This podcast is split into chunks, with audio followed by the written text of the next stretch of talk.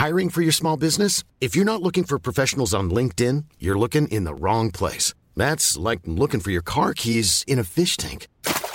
LinkedIn helps you hire professionals you can't find anywhere else, even those who aren't actively searching for a new job but might be open to the perfect role. In a given month, over 70% of LinkedIn users don't even visit other leading job sites. So start looking in the right place. With LinkedIn, you can hire professionals like a professional. Post your free job on linkedin.com slash people today.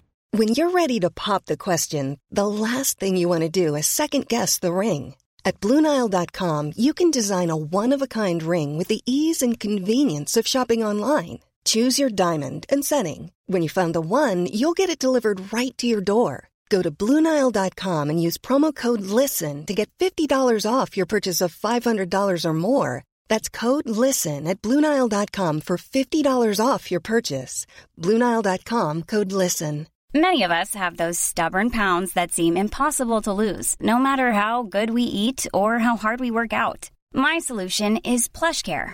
PlushCare is a leading telehealth provider with doctors who are there for you day and night to partner with you in your weight loss journey. They can prescribe FDA-approved weight loss medications like Wagovi and Zepbound for those who qualify. Plus, they accept most insurance plans. To get started, visit plushcare.com slash weight loss. That's plushcare.com slash weight loss. Alla vinner på jämställdhet. Kan de digitala sprången vi har tvingats göra i och med pandemin accelerera jämställdheten för kvinnor runt om i världen? Ja, eller är det precis tvärtom? Att jämställdheten fått ett rejält bakslag? För skolstängningar och lockdowns och ekonomisk kris har slagit hårdare mot kvinnor världen över. Våld i hemmet har ökat. Vad kan vi göra på arbetsplatsen för oss själva och för varandra för jämställdheten? Det ska vi prata om idag.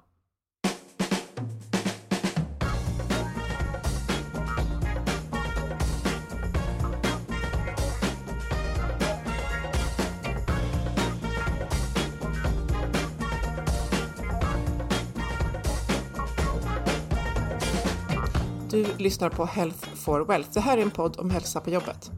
Och hälsa, det handlar om så mycket mer än att bara knapra morötter och springa runt i tights. Ja, för hälsa kan handla om bra samarbeten. Att både ha en tydlig riktning och frihet att agera självständigt. Och trygga ledare som har tid att leda. I den här podden då tar vi ett helhetsgrepp på hälsan på jobbet. Allt ifrån hur vi hanterar gränslöshet, digitalisering, stillasittande till hur vi tillsammans bygger arbetsplatser där människor faktiskt mår både bra och presterar. Vi är Ann-Sofie Forsmark, jag driver företaget Oxigroup. Och Boel Stier, kommunikationskonsult. Lyssna på oss för inspiration och idéer varje vecka. För dig som är chef, ledare, jobbar med HR eller medarbetare. Ja, det här är ett ämne som engagerar oss av flera anledningar och eh, ja, det handlar om faktiskt mänsklig rättvisa för det första, men också om att det är bra för arbetsplatsen och verksamheten som ju är vår kontext i den här podden. Jämställda bolag går bättre på börsen, så är det bara. Ja, men hur står det då till i Sverige just nu? Ja, vi har tidigare i vårt avsnitt 124 poddat om rapporter från stiftelsen Allbright. Stiftelsen grundades av finansmannen Sven Hagström för han var frustrerad över att man inte tog tillvara kompetensen hos alla välutbildade kvinnor i näringslivet. Så Allbright verkar för ett mer jämställt arbetsliv och större mångfald på ledande positioner i näringslivet. Och därför släpper de regelbundet rapporter om hur det ser ut, siffror och utvecklingen.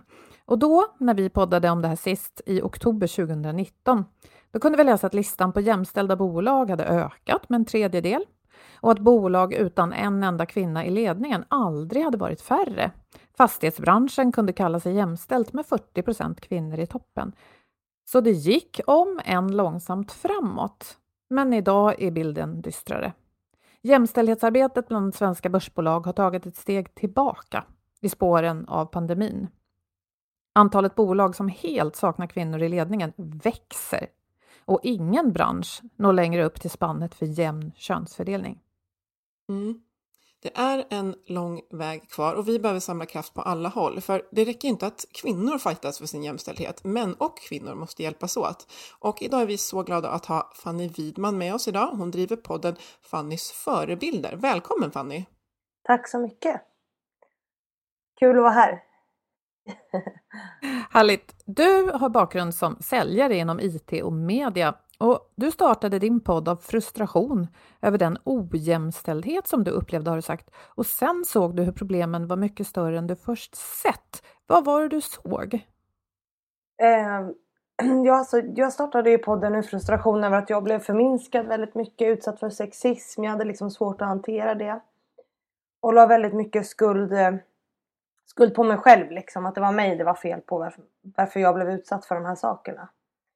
Men sen så började jag ju fråga massa framgångsrika kvinnor om de har varit med om det och hur de hanterar det. Och en insikt är ju att ja, jag är för det första inte ensam för det här är något som händer typ alla. Alltså, jag skulle vilja säga att alla kvinnor har någon form av upplevelse av förminskning eller sexism längs sin karriär. Och sen också hur mycket det beror på liksom strukturer och normer som råder i samhället. Eh, att det här är liksom ingen fråga om att individer ska anpassa sig utan vi måste liksom förändra strukturerna och normerna. Eh, så det är väl det jag har fått mycket liksom förståelse för och vetskap om. Det är så mycket annat, så mycket större saker som ligger bakom det som händer oss som individer. Eh, så att säga. Jag tycker det där är så intressant därför att jag har, eh, ju mer jag, om man säger, läser och reflekterar själv så inser jag att jag som kvinna själv är lite förblindad. Jag är ju, mm. jag vill flytta på de här, jag vill påverka de här normerna och tycker inte att de är rätt, men jag är ju också mm. på något sätt stöpt i det samhället där de råder så att eh, mm. jag känner att jag personligen behöver höja medvetenheten. Jag tror många behöver det också och vi känner också att vi tycker att det är viktigt att vi eh, liksom beskriver de här begreppen lite grann som vi tar lite för givet. Vad, vad skulle du säga att vi menar med jämställdhet på, på arbetsplatsen, förutom lika lön för lika arbete? Vad innebär jämställdhet? Ja, jag vill haka på en sak som du eh, sa i början där. Att man som kvinna, innan jag svarar på din fråga, att man som kvinna liksom har normaliserat hela den här grejen att bli förminskad. Eh, och det var också en sån här insikt som jag fick och jag vill flika in det att eh, för jag ställde ju den frågan till mina gäster i början så här, men har du någon gång blivit satt i lilla gumman-facket som jag kallar det för? Och då sa de att ja, men det har ju hänt så många gånger att jag kan liksom inte komma ihåg en gång som det har hänt. Eh, därför att det är en sån del av våran vardag liksom. Och det tycker jag är livsfarligt och där sa du också ett ord som är medvetenhet som liksom är det jag predikar mest av allt. Men jag gissar på att vi ska komma in mer på det sen. Eh, men om frågan var vad som är jämställdhet på arbetsplatsen förutom då lika lön för lika arbete. Alltså jämställdhet i grunden är ju att alla ska ha samma möjligheter, samma rättigheter, samma skyldigheter. Eh, för mig är jämställdhet på arbetsplatsen inte bara eh, Eh, att vi pratar om att vi har en jämn fördelning av kön. Alltså, ofta så tittar vi ju liksom på om hur många procent män kontra kvinnor vi har på en arbetsplats. Det som är viktigt är också att titta på vilken fördelning av makt vi har i en organisation. För det är först liksom när vi har en jämn fördelning av makt som vi kommer kunna påverka och liksom förändra strukturerna. Så vi har ju sett att det hjälper liksom inte att bara stoppa in massa kvinnor och så förändrar sig saken magiskt. För det, det är ju inte upp till kvinnorna att förändra kulturen och strukturen. Utan det är ju något som måste ske gemensamt. Därför måste vi ha en jämn fördelning av, eh, av makt. Sen tycker jag också att när vi har ett jämställt arbetsliv då kommer vi liksom också kunna bedöma Alltså bedöma människor som individer och inte som För vi bedöms ju fortfarande som män och kvinnor i väldigt många fall. Eh, vi tillskriver män olika attribut. Vi tillskriver kvinnor andra. Och så bedöms vi utifrån de liksom facken som vi sätter människor i. Och det är det som jämställdhet är. Att man liksom går ifrån det och kan prata om om eh, Ann-Sofie som, som individ eller Boel som individ. Inte utifrån hennes kön så att säga. Sluta prata om manligt och kvinnligt ledarskap. Alltså det finns ju hur mycket som helst. Så vi kan lägga in här. Jag vet inte om du ja. har svar på din fråga Ann-Sofie? Nej, men mm. jag, jag, tänker att tillbaka till de här siffrorna från Allbright som vi tittade på, eller nämnde i början. Eh, där är det ju väldigt tydligt att det saknas kvinnor just i ledande positioner i mm. näringslivet.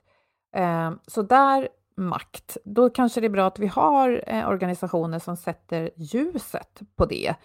Eh, för att som du säger, det räcker inte bara med att titta, ja ah, men vi är 50% kvinnor eller ja, vad det nu skulle vara, utan vem kan då ha makten? Men Sen handlar det också om makten i vardagen och det är ju inte alltid exakt samma sak som vem som är VD eller vem som är chef.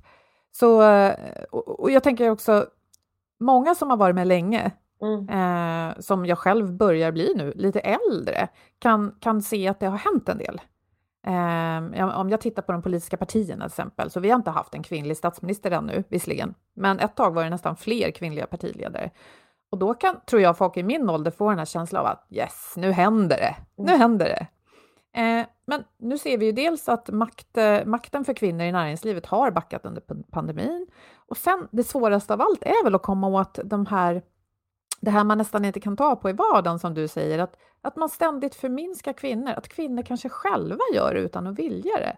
Mm. Så vad är nycklarna där skulle du säga Fanny för att komma till rätta med det här svårgreppbara? Men alltså det är ju eh, som, som jag sa innan, så här, medvetenhet är ju min, eh, mitt ledord. Och, och jag tänker för att bli medveten då måste man också våga utmana sig själv och ifrågasätta sina egna beteenden. Också vara nyfiken. Eh, för det jag, det jag tänker mycket på det är att vi är så himla inrotade liksom i vad vi själv vill komma, vad vi själva vill nå för mål. Eh, vi har krav på oss, vad som förväntas, vad det är att göra karriär. Alltså vi har ju alla liksom fastnat i någon form av ekorrhjul vilket eh, gör att jag tycker att gemene man är ganska dåliga på att liksom vidga sina perspektiv och liksom se andra människors upplevelser av saker och ting.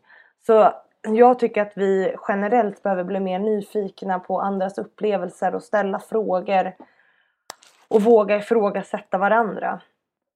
Eh, eller oss själva menar jag. Och sen så tänker jag att vi behöver alla någon form av grundkunskap i det här med strukturer. Alltså en utbildning i strukturer. För när vi förstår att det beror på strukturer och inte på individer. Det är då vi kan liksom börja förändra och säga så men, ja, men en förändring kan börja med mig som person. Även om det inte är mitt fel.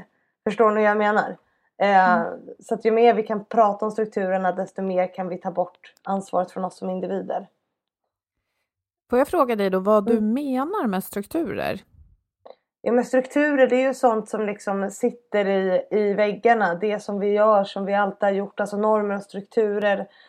Eh, vi har ju ett ledarskap som är väldigt manligt kodat. Eh, ja, det, jag vet inte om jag ska köra en lång rant här om det blir jättelångt. Men, men alltså jo, mallen men tror, för... för... Vad sa du? Förlåt, det blir lätt lite så digitalt, man pratar i munnen på varandra. Jo, men jag tänker så här att, för just det du sa nu, normer, mm. mm. eh, är strukturer och normer samma sak? Jag tror att det är viktigt att vi pratar om vad vi menar där, för strukturer som jag ser det kan väl vara maktpositioner Precis. i ett bolag, Precis. medan normer är, är det här mjuka som, alltså som mina tankar om dig. Gjort. Mm. Eh, så precis, så strukturen är ju någon form av maktstruktur, organisation. Maktstrukturen vet vi hur den ser ut i samhället idag.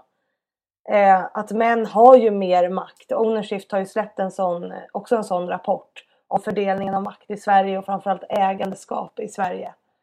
Eh, Medan normer är ju det här hur vi beter oss varje dag och det är ju något vi lär oss med tiden. Eh, det formas vi utifrån våra erfarenheter. Och grejen är ju att människan behöver ju normer för annars skulle vi ju aldrig liksom kunna Ja men då skulle vi ju behöva gå upp på morgonen och uppfinna allt på nytt varje dag och det, då hinner vi ju aldrig komma på nya idéer eller liksom göra någonting nytt, fatta nya beslut så att vi behöver ju normer men vi behöver ju utmana dem också. Jag tänker där så kan det här vara ett exempel just att vi, jag tror vi pratade om det när vi poddade om det här sist, att vi kan ha en struktur som säger att men i den här ledningsgruppen så ska det vara 50% kvinnor. Men om normen är kvar att det är männen som har, alltså citationstecken, fast på riktigt, alltså makten, det blir, vi pratar om att det skulle vara mjukt, men det kanske är stenhårt att jag som kvinna då sitter där och eh, eh pratar inte lika mycket och känner att det är ändå männen som bestämmer, då, då ligger ju normen kvar och liksom kör över strukturen till viss del. Men mm. strukturen i sig kanske kan hjälpa till att förflytta normen. Ja, jag tycker det här är, är svårt men väldigt intressant att ja, reflektera kring. Att det är svårt att liksom ge något så jättekonkret svar. Eh, och det är klart att det är ju så att makten är ju avgörande på något sätt för att vi alla förhåller oss ju till den som har makt. Därför att det har gynnat oss i alla tider. Det är därför det är så himla viktigt att, att få en jämn fördelning av makt mellan könen. För jag tänker att Sverige, visst, vi, vi är ju någon form av role model när det kommer till jämställdhet och, och har ju varit bra på det. Men frågan är också vilka anpassningar kvinnor har behövt göra längs vägen. Mm. För man ser ju att många kvinnor anpassar sig efter en manligt kodad norm i, i liksom näringslivet och sådär. Så där är ju makten superduperviktig. Och, eh, tycker jag. Och det där är, känner jag, ett jättekapitel som man skulle kunna dyka in på. Jag minns i alla fall när jag var, eh, gick på universitetet och var engagerad i en grupp som jobbade för att just synliggöra kvinnor. En, en feministisk grupp helt enkelt. Att man pratar mm. om olika, alltså det här särartsfeminism pratar man om då, att ja, vissa framhöll att kvinnor är på ett visst sätt. Och för att de ska mm. få makten, då måste makten förändras, man måste kunna vara på ett annat sätt om man är chef. Medan andra menade, nej, vi är individer. Och det här att eh, liksom, män de är hårda och tuffa, kvinnor är mjuka och goa, det är ju mycket en, en social konstruktion. Så att jag tänker att det är lätt, minns jag själv från den tiden, det är lätt att gå vilse i alla de här definitionerna innan man ens kommer ja. till att börja göra ett jobb. Håller du med om det Fanny? Ja, men jag håller med om det och jag håller med om att målet är att så här, vi ska kunna prata om, som det sa jag ju, att vi ska kunna prata om människor som individer men vi är ju inte där idag. Och därför så, och jag är väl någon sån här, jag använder eh, lite särartsfeminism för att så här, visa på hur löjligt det är. Eller förstår ni? Alltså, jag försöker dra strukturerna till sin spets och säga ja men om kvinnor gör så och män gör så. Då ser man ju på något sätt hur pass, nu gör jag situationstecken för de som lyssnar men det är ganska löjligt liksom. Att, att vi beskriver människor på det sättet för vi alla är ju olika. Um, så att, eh, ja, Nej, men jag tänker att, olika medel för att nå målet. Ja, men precis, och jag tänker att inte det är en uppmaning också till alla som vill förändra, för att idag finns det många, både kvinnor och män, som vill förändra det här. Eh, mm. Och då skulle jag vilja säga, för att se om du håller med mig Fanny, att vi kanske inte ska fastna för mycket i, i liksom de här definitionerna, utan att vi ska titta på vad det är vi vill förändra. Och då är det ju lättare att titta på, ja men så här, hur bemöter vi varandra på arbetsplatsen till mm. Eh, har, har, du några bra exempel för oss och lyssnarna på, på ett bemötande? Du, du pratade om lilla gumman-facket till exempel. Vad, vad är exempel på bemötande som liksom gynnar ojämställdhet på arbetsplatsen? Men som gynnar ojämställdhet eller som upprätthåller det här med förminskning. Alltså det här att man får sin, eh, sin idé snodd är ju jättevanligt. Det är något så exempel som kommer upp hela tiden i podden. Um, det, och sen att kvinnor får mindre taltid, alltså i rum. Och det finns ju studier som visar att om en kvinna tar mer än 25% av tiden i ett rum så, så anses hon vara för mycket. Eh, det finns ju studier som visar det. Eh, det här att vi alltid lägger in eh, alltså kvinnors utseende i bedömningen av henne. Det är också en supervanlig grej som jag själv har gjort innan och som jag fortfarande gör. Men att jag nu är medveten om att jag gör det vilket gör att jag kan hantera det på något sätt. För det är ju så vanligt att vi liksom, när vi berömmer en kvinna så måste vi också säga att hon är väldigt snygg till exempel. Eh, och att en kvinnas utseende är på något sätt stigmatiserande för henne oavsett om hon är snygg eller om hon är ful. Så det är ju eh, det är sådana typiska beteenden som är omedvetna och som liksom sitter, sitter i strukturen på något sätt att vi ska bedöma kvinnor utifrån utseende.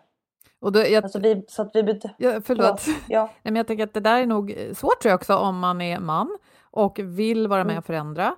Eh, så tänk, nu, jag vet att vissa blir arga när man håller på och pratar om hur, hur det kan vara jobbigt för männen, men jag tycker det ändå är intressant. För att eh, till exempel som när metoo hände för tre år sedan är det väl nu, så vet jag att en del eh, nog tyckte att det var lite läskigt för att de kände att hur, hur kan jag göra rätt nu? Och det borde inte vara så svårt. Men jag tror att det handlar om det här, man är van att bemöta en kvinna och kunna säga någonting uppskattande och plötsligt blir man tvungen att fundera på oj, var det hennes utseende jag bedömde nu? Eller var det faktiskt hennes person? Så den, den är väl egentligen nyttig, men, men då tänker jag att vi kanske inte ska skälla för mycket på killarna när de försöker. Vad säger du, Fanny? Nej men så här, generellt måste vi väl prata mer om hur liksom patriarkatet har drabbat män. Eh, för att jag tycker att det är en jätteviktig faktor att ta upp. För att vi kvinnor har ju liksom slått, eller slagits och liksom reflekterat över hur patriarkatet drabbar oss väldigt länge under väldigt lång tid. Men män har ju inte gjort det. Och jag tycker att det är superviktigt att prata om det att män har jättehöga förväntningar på sig att de ska göra karriär och försörja familjen. Män ska liksom inte gråta. Så det finns ju jättemycket inkopplat i bilden av vad det är att vara man som är begränsande precis som det är att vara kvinna. Och det tycker jag är superviktigt att, att ta upp som du säger. Jag tänker också att precis, föräldrarollen är väl fortfarande en bastion liksom, där männen eh, ibland diskrimineras faktiskt i vårdnadstvister och sådär. Att man vi kanske har lite lättare för att se att det är mamman som är den bästa föräldern. Men sen så vill jag backa bak, tillbaks till det här liksom att nej, jag har lite svårt att så att, tycka synd om män i hela den här metoo-diskussionen. Däremot så, så kan jag tycka att man borde prata mer om då som jag varit på, inne på innan att det här med sexuella trakasserier, eh, metoo, alltså det är ju ett strukturellt problem och det är ju det som, som män måste förstå. Att, eller måste, det är också ett ganska osexigt ord att säga att någon måste göra någonting men att det är det som män behöver förstå. Att det är ett strukturellt problem så vi säger inte så alla män är dumma i huvudet. Vi säger att, att det finns en struktur som har tillåtit och som har påverkat människors beteenden. Och, och det är ju när man kan liksom förstå det som man kan liksom räcka upp handen och säga så här, ja, men eh, jag kan förändra mitt beteende i alla fall för att påverka strukturen. Mm. Men här, inte alla män och det här att tycka synd om, nej. Alltså, jag har lite svårt att hitta sympati där faktiskt. Mm. Eh, för det är inte så att vi har anklagat alla män, men, men jag vill anklaga strukturen och den kan vi alla vara med och förändra. Ja, det är sant. Och jag tänker att vi kan väl alla tänka att, att om man har makt, kvinna eller man, att om vi, om vi tillåter sådana här saker som att vi tystar kvinnor i rummet, att vi inte ser till att alla runt bordet oavsett kön får lika mycket taltid, om vi ser mellan fingrarna på att den nya unga tjejen som precis har börjat jobba får liksom gliringar eller blir tafsad på, då går ju vi mm. miste om den här kompetensen som vi skulle kunna odla när det faktiskt är så att, att, att det på riktigt är mer lönsamt också att driva bolag som är eh, jämställda. Och jämställda och mångfald i stort. Alltså vi går ju miste om jättemycket eh, kompetens och idéer. Alltså jag jag la ut en undersökning på Instagram till, för det är också en sån här härskarteknik att man härskar över sig själv på något sätt. Eh, så att man förminskar sig själv. Och kvinnor har ju haft det som retorik i jättemånga år, att man liksom ursäktar sig lite grann i sin retorik för att få ta plats, eller för att få vara med. Jag har en liten idé, eller jag får egentligen inte vara här men, liksom. Mm. Att det har varit en del av vår retorik. Och när jag gjorde en undersökning på Instagram så ställde jag frågan till mina följare så här, om de förminskar sig själva och eh, då sa alltså i princip alla ja och så förklarade de på vilket sätt, alltså det vill säga att man skriver lappar till sig själv på möten, att man ska vara tyst.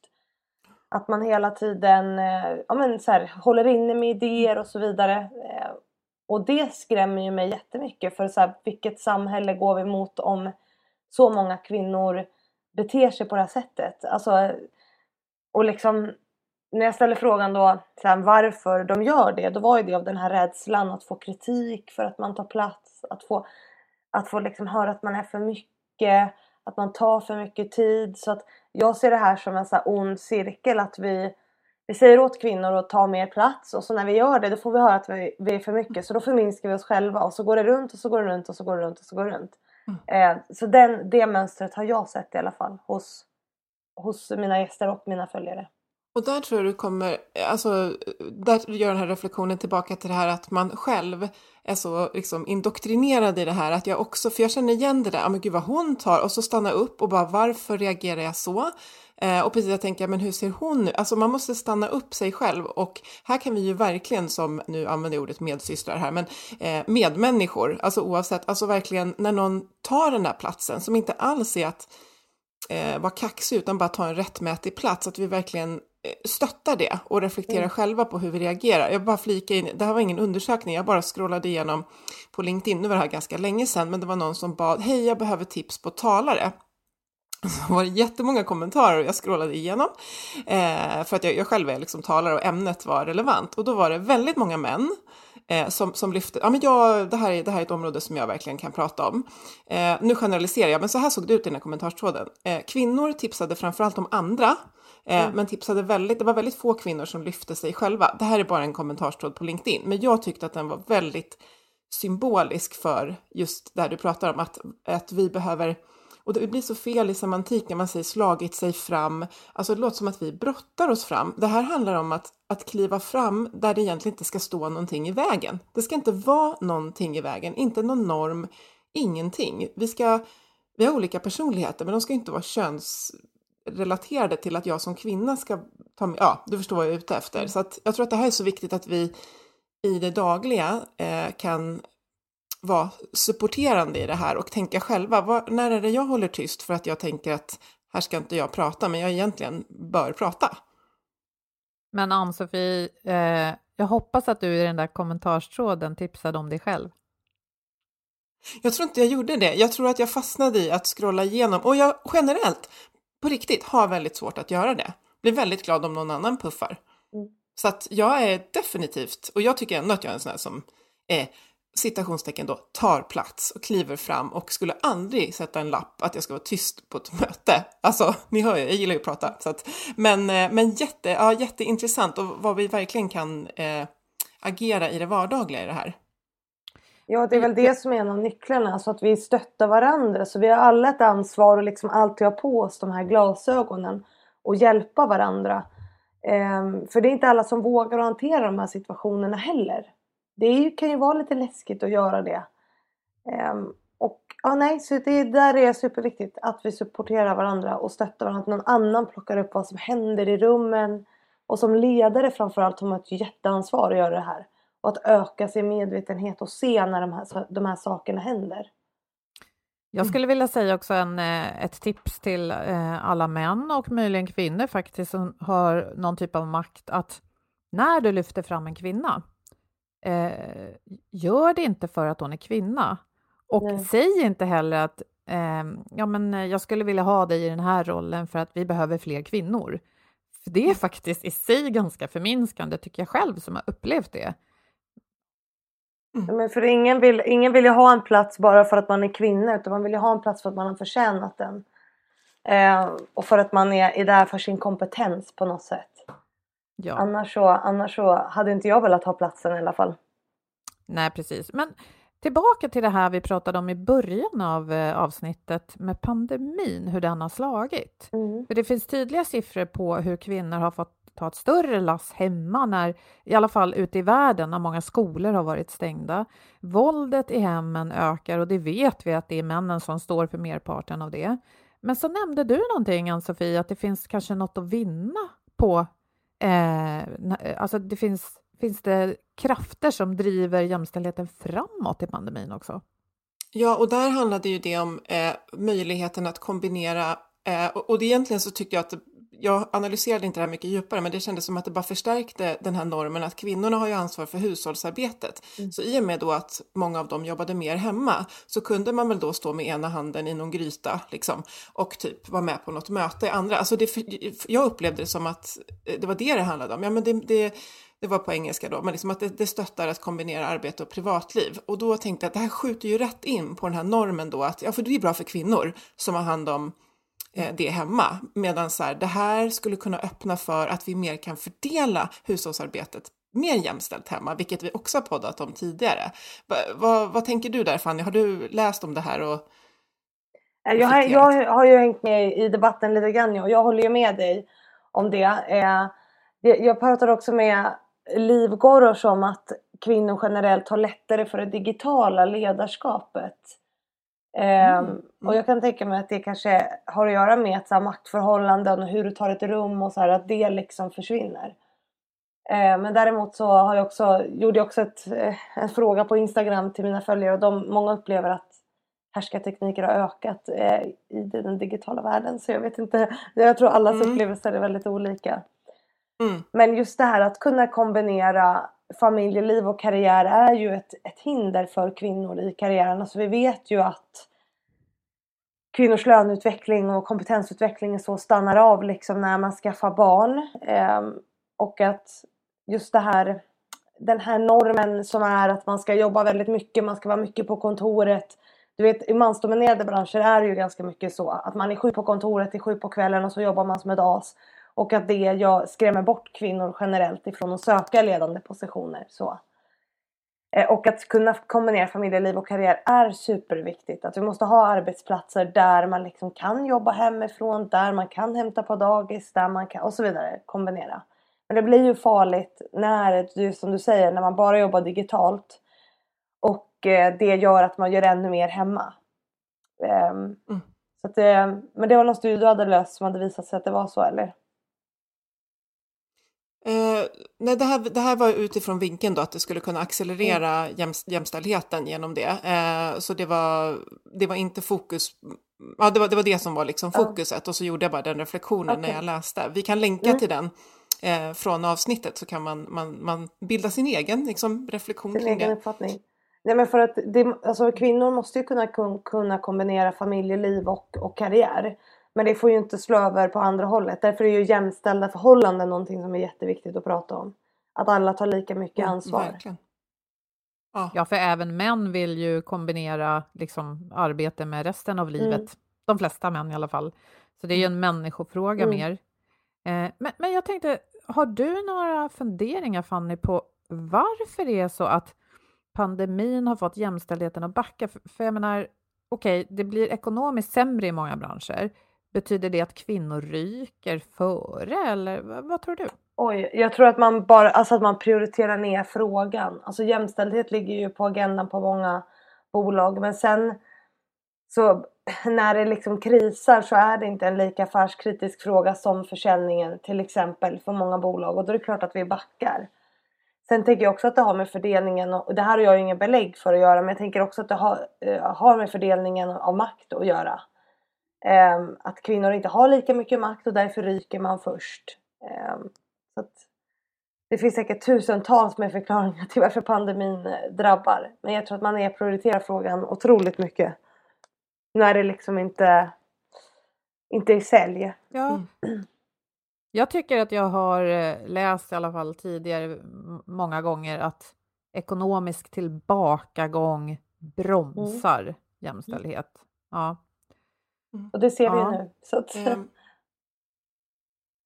Jag tänker också att du vill eh, mot slutet här komma in på det här med medvetenheten som du säger är så viktig och som vi liksom själva har reflekterat och jag tror många gör att den är så viktig. Och, eh, jag gillar organisationspsykologen Adam Grant, han är ute med en ny bok nu som, jag kommer inte ihåg vad den heter, men det handlar väldigt mycket om att mm. tänka om. Så, och han skrev bara häromdagen om Eh, Eh, just det här med eh, de här normerna som vi är lite blinda för. Och eh, han skriver, nu översätter jag direkt här från engelska, men att om du tycker att mm, kvinnor pratar för mycket så är det för att just att du förväntar dig dem att, att prata väldigt lite. Och att en man som pratar på, han är liksom en, ex, en trygg expert och en kvinna som pratar på, hon är en, och det här säger han på aggressive mm. bitch. Och att, att komma, liksom notera den här icke-jämställdheten, det är faktiskt ett steg mot att förändra den. Så att jag tänker så här som många av våra lyssnare är liksom medarbetare och eh, i olika roller. En del är på HR, en del är chefer och en del är just ja, men i medarbetarroller. Och hur, vad kan vi göra på arbetsplatsen? För att om vi inte kan dra igång det där jämställdhetsstrategiprojektet, men jag ska kanske in i ett möte här snart och, och ja, vad kan vi göra i det dagliga redan nu? Men vi måste ju ha genusglasögonen på oss hela tiden. Eh, och vi måste ju alltid vara uppmärksamma för de här eh, situationerna när de uppstår. Men då måste vi bli, bli medvetna om dem eh, så att vi ser när de händer. Det är på något sätt nyckeln tycker jag. Och, då, och det var jag ju inne på innan också. Eh, jag besvarade väl den frågan lite grann tror jag innan att vi mm. måste vara mer nyfikna, våga ställa frågor och lyssna på andra. Vi måste få igång det här som en naturlig dialog i våra samtal med varandra eh, eller inom våra organisationer. Det vill säga hur vi upplever kulturen i förhållande till eh, jämställdhet, alltså situationer som uppstår kopplat till för att man är kvinna liksom på något sätt. Det måste bli en naturlig del av samtalen som vi har tycker jag. Alltså man måste börja hitta någon form av struktur för hur man pratar om de här sakerna internt, tycker jag. Och att det ska vara lika viktigt som allt annat på något sätt. Eh, så att folk lär sig, så att folk ser det, så att man liksom vidgar människors perspektiv. På något sätt. Eh, jag tycker att det, vi pratar för lite om det. Alldeles för lite. Jag vet inte hur många gånger vi liksom analysera möten efteråt och säga så här, men hur upplevde du det här mötet? Hur tyckte du att det gick? Hur blev du behandlad i det här mötet? Hur upplevde du att jag var? Hur ofta ber vi om den typen av feedback eller analyserar det? Det gör vi ju inte. Om vi inte gör det så, så kommer vi aldrig utvecklas heller. Och jag tänker att som, som en person med någon typ av makt, formell eller informell, mm. så kan man ju ta fasta på det här med taltid och börja börja se sig om i rummet, på möten eller i den vanliga vardagen. Mm. Det är ju mm. en sak. Och så tänker jag också att vad förväntar jag mig av mina medarbetare? Ser jag mina manliga medarbetare som mer karriärhungriga utan att ens ha frågat dem? Eh, tänker jag oftare på dem som den som kan ersätta mig en dag? Eller letar jag lika mycket bland kvinnorna? Är inte det sådana bra reflektioner? Jo, absolut. Men för att, och, absolut, och för att kunna göra det då måste du ju ha någon form av... För du är ju väldigt medveten. Så att du kan ju ställa dig de här frågorna. Men många är ju inte det. Så då måste du ha någon form av grundkunskap i liksom organisationsstruktur på något sätt. Så att du, och att du på något sätt ökar din, medveten om hur din medvetenhet om hur strukturerna påverkar ditt beteende. Och dina tankar och hur du sätter alltså omedvetna fördomar. För vi alla har ju dem. Men, mm. men du måste ju ha en grundkunskap innan du ens kan börja ställa dig de här frågorna. Så allt är ju en fråga om hur pass mycket kunskap du har om de här sakerna. Jag tänker att det kan krävas eh, lite eh, fingerspetskänsla att inleda sådana samtal också, för jag har varit med om många gånger att man någon tar upp en fråga om jämställdhet eller mångfald generellt och, och så tittar en chef sig om i rummet och ja, men hur har vi det egentligen?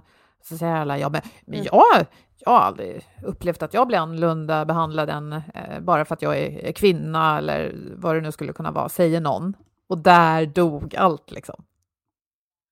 Så mm. det är ganska viktigt att ledaren i så fall bjuder mm. på när han eller hon har gått i en tankefälla. Så.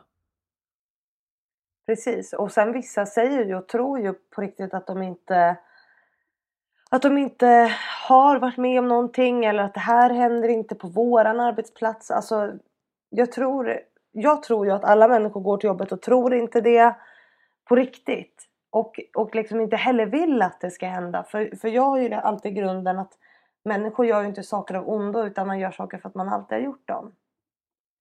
Men då måste man ju liksom få kunskapen. Så jag kommer ju väldigt ofta tillbaka till det.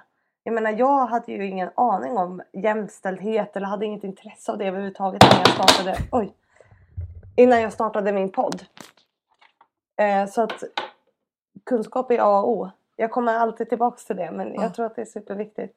Eller jag vet att det är superviktigt. Ja. Men och jag tar verkligen med mig där att, eh, att nästan förutsätta att jag saknar tillräckligt med kunskap och att, jag, att det är eh, vad ska man säga, antingen att jag inte, inte skygglappar på, eh, men att, att jag får vara medveten om att om jag inte tänker till så kommer jag missa signaler och jag kommer missa. Så att vi behöver ha med det här nästan som en, jag skulle vilja ha en liten post-it. Istället för det där, vad var det, jag ska vara tyst, eh, så ska jag vara uppmärksam, det ska jag säga, och ha med det och kanske ha det som, ja, tror jag, för att eftersom jag tänker, precis som du är inne på, nej, men man blir mm. omedveten själv. Eh, så att medvetenheten kommer vi tillbaka till hela tiden som en röd tråd i, i samtalet. Ja, det, ja, men det är ju min, mitt ledord i livet är ju medvetenhet på något mm. sätt. Jag tror jag säger det ordet 17 000 gånger om dagen ungefär. Men, det... men jag tänker att om vi ska skicka med oss något, framförallt till de som har makt, tycker jag, ute i eh, arbetslivet. Så mm. om vi summerar då, att titta gärna på siffror, för det är någonstans bra att börja där, eh, om inte annat för att det övertygar de som tänker att nej, men här, här händer ingenting dåligt. Eh, kolla på hur många män och kvinnor man är i organisationen, hur många av dem har makt. Eh, och sen när man inleder en, en eller så inleder dialog om det här, att inte stanna vid det här som ofta händer då att ja, men eh, eh, ja, är det någon här som har upplevt någonting dåligt? Nej, men det kanske inte folk vågar säga i en stor samling. Eller nej. att det kommer så här bortförklaringar som att nej, men vi jobbar ju med IT och då, då är det svårt att rekrytera kvinnor. Ja, ja, ja, och så är alla nöjda och glada liksom. Utan att man mm. frågar sig varför. För att man missar så mycket kompetens. Och att alltid följa upp, inte bara lämna saker vind för våg liksom. Ha de här samtalen och se till att följa upp att det blir någon form av förändring liksom. Mm. Då kan man ju köpa den? min bok också. Ja. Det är en bra början. Berätta om den. Vad Just det. Ja. Ja. det är nog nu heter den. Den handlar om, om allt det här vi har pratat om idag. Den är faktiskt väldigt bra. Jag lyssnade på den själv för första gången nu så att jag har ju skrivit den och läst den några gånger men, men den är väldigt bra. Mycket, mycket konkret. Vad härligt att du tar plats och säger det också, Fanny. Ja, den är, jag, menar, alltså, jag blir förvånad själv över hur bra den är faktiskt. När ja. jag lyssnar på den nu. Alltså, är jag sådär smart? Jag är nog det. Men, men eh, den, den gör de här strukturerna väldigt eh, synliga och väldigt konkreta. Eh, det här händer mm. på grund av det här. Och så kan vi hantera det.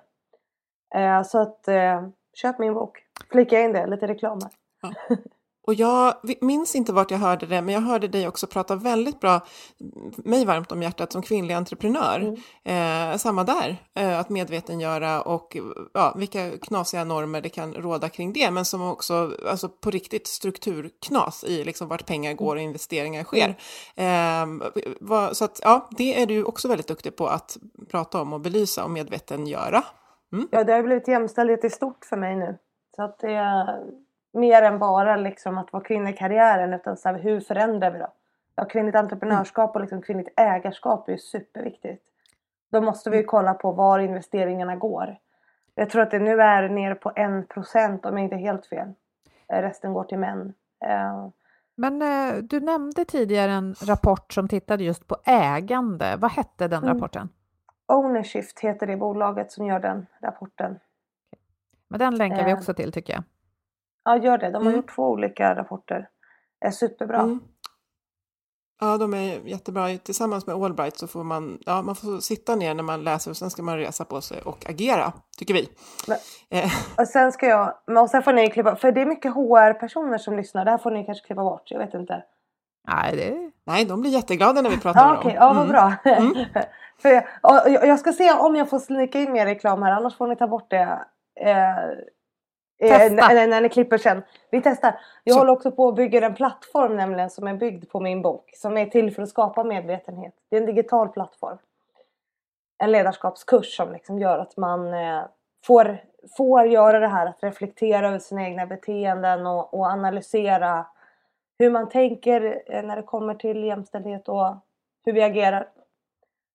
Så att jag gör reklam för den här också så får ni ta bort det om ni inte vill ha med det. Ja, men det är lugnt. Och, det låter väldigt intressant. Och jag tänker mm. att eh, precis eh, det här att det kan vara svårt att inleda dialog så det kan ju innebära att man faktiskt behöver extern hjälp ibland för att sätta igång mm. den dialogen. Mm. Men det här har varit ett fantastiskt samtal Fanny, tack för att du kom. Och jag tänker att det här eh, mm. samtalet och ämnet, det upphör inte. Jag tror att vi kommer Nej. få jobba med det resten av våra liv och det tänker jag i alla fall gladeligen göra. Mm, samma här. Mm, tack så jättemycket Fanny, tack. Och vi stannar inte där utan vi har en samarbetspartner i motivation.se och de har flera artiklar på ämnet jämställdhet. Och vi har valt ut en som jag tror Fanny kommer gilla, för den handlar om att jämställdhet handlar om att bestämma sig. Och det hoppas vi att ni vill göra i ord och handling. Och artikeln och fler med den på ämnet och andra hittar ni hos motivation.se och vi länkar dit från den här sidan på vår hemsida. Med det tackar vi våra samarbetspartners Motivation.se och Agda Media för den här produktionen. Följ oss gärna på LinkedIn och kommentera gärna våra inlägg där och säg hej! Och så hörs vi om en vecka igen. Tack och hej! Hej då!